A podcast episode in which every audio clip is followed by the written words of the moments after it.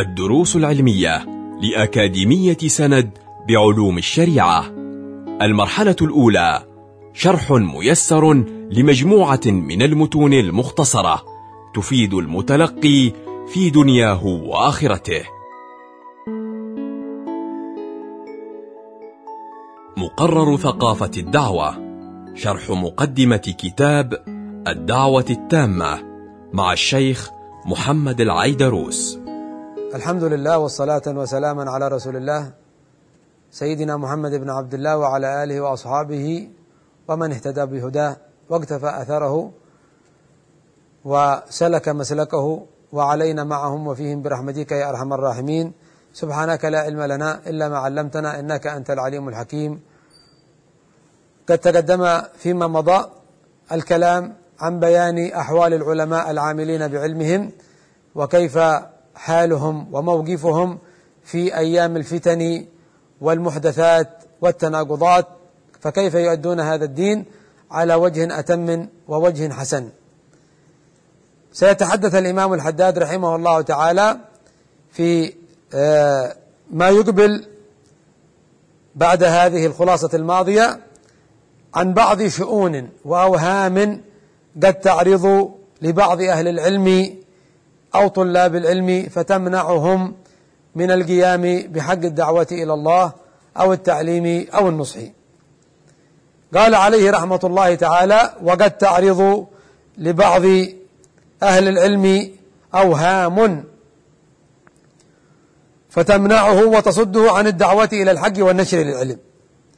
فمنها أن يقول إني غير عامل بعلمي فكيف أعلمه وأدعو إليه؟ وقد ورد من الوعيد في ذلك ما لا مزيد عليه. هذه هي الشبهة. فيأتي الشيطان أو تسول النفس لصاحبها أمرا ليترك شأنا عظيما. فتحصل الوسوسة في قلبه. يقول أنا غير عامل بعلمي. قد تعلمت العلم ولكني قصرت في العمل به. فكيف أعلمه غيري؟ وقد ورد وعيد شديد في من يعلم العلم ولا يعمل به.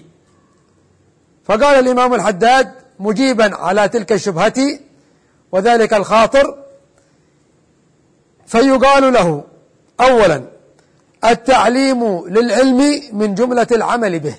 ومعنى ذلك أن من العمل بالعلم أن نعلمه غيرنا. هذا نوع من من أنواع العمل بالعلم. كذلك في معناه أن يقال أن من علم علما وانتفع به غيره وعملوا به كان له ثواب أو كثواب من عمل بذلك العلم الذي تلقاه عنه. ثانيا قال والذي لا يعلم ولا يعمل بعلمه. خير بكثير من الذي لا يعلم ولا لا لا يعمل ولا يعلم. الذي يعلم ولا يعمل بعلمه. خير بكثير من الذي لا يعمل ولا يعلم. لأنه ترك واجبين. الواجب ثلاثة أشياء. أن يتعلم وأن يعمل وأن يعلم. فالذي ترك واحدا وعمل باثنين أحسن حالا ممن ترك اثنين وعمل بواحد. فالذي تعلم وعلم ولم يعمل فقد ترك واحدا وعمل عمل باثنين. والذي تعلم ولم يعمل وترك التعليم خوفا من مما ذكر في هذه الشبهة فقد ترك واجبين فالوعيد في حقه أشد. وإذا لم تقدر على الخير كله فلا تعجز عن القيام ببعضه. وعليك أن تعلم وعليك أن تجتهد وتعزم على العمل بما بما بما تعلم.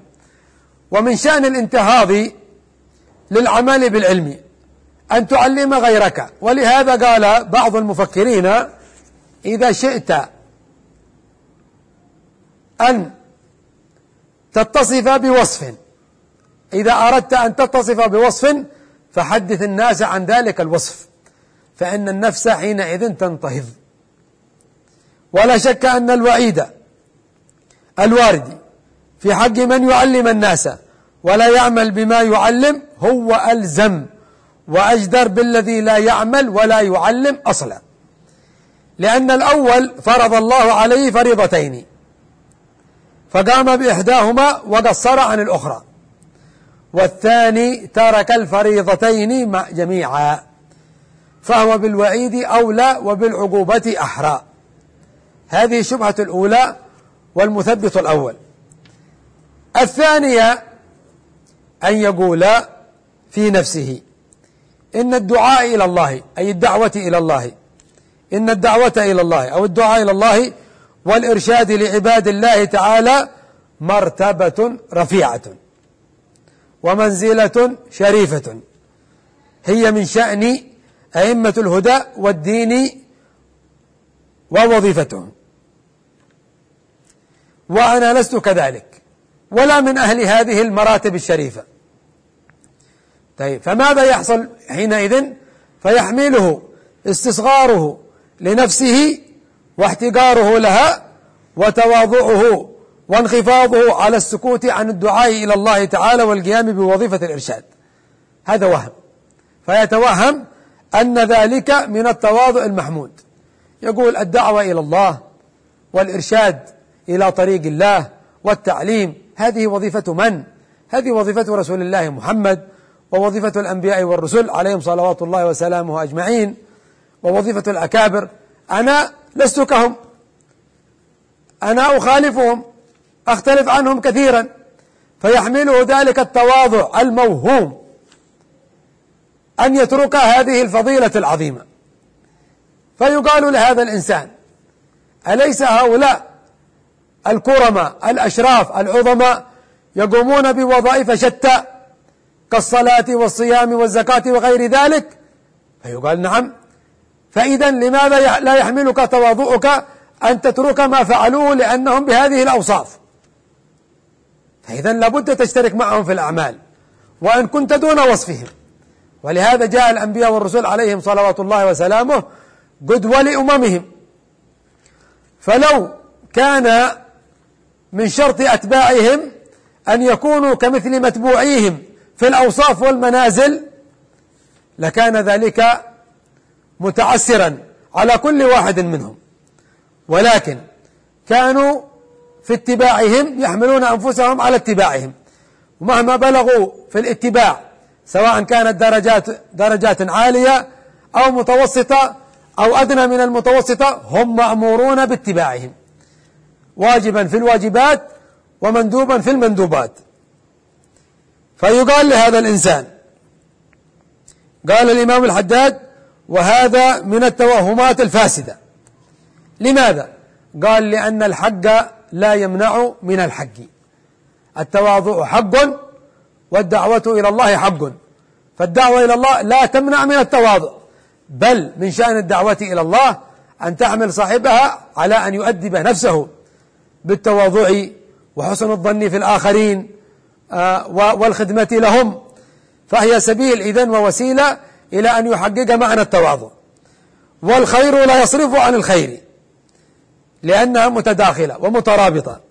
فعليه ذلك الشخص أن يجتهد وأن يشمر في الدعاء إلى الهدى والدلالة على الخير مع حمل نفسه على التواضع وأن يدبها على ذلك وأن يراقبها في ذلك وعلى الخضوع والاستشعار للخشية والخشوع لله تعالى وأن يعترف بتقصيره وإن كان مشمرا. وأن يحتقر نفسه. مهما بلغت من الخيرات لا يزال يحملها فوق ذلك الكثير الكثير. وذلك هو الكمال. لأن من وقف في على حال أو مقام واحد فهو إلى القصور أقرب.